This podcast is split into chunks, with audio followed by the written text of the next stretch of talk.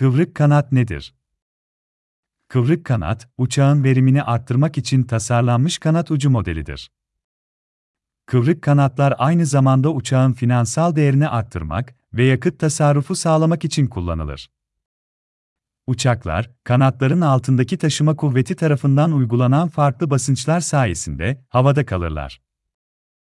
Basınç farklılıklarından dolayı hava akışı kanat ucundan ayrılırken girdaplar yaratır. Ancak kıvrık kanatlar bu girdapları azaltır. Kıvrık kanatlar dışarı ve yukarı doğru kıvrılmıştır. Kıvrımın eğimi sürtünmeyi azaltır ve itme performansını arttırır.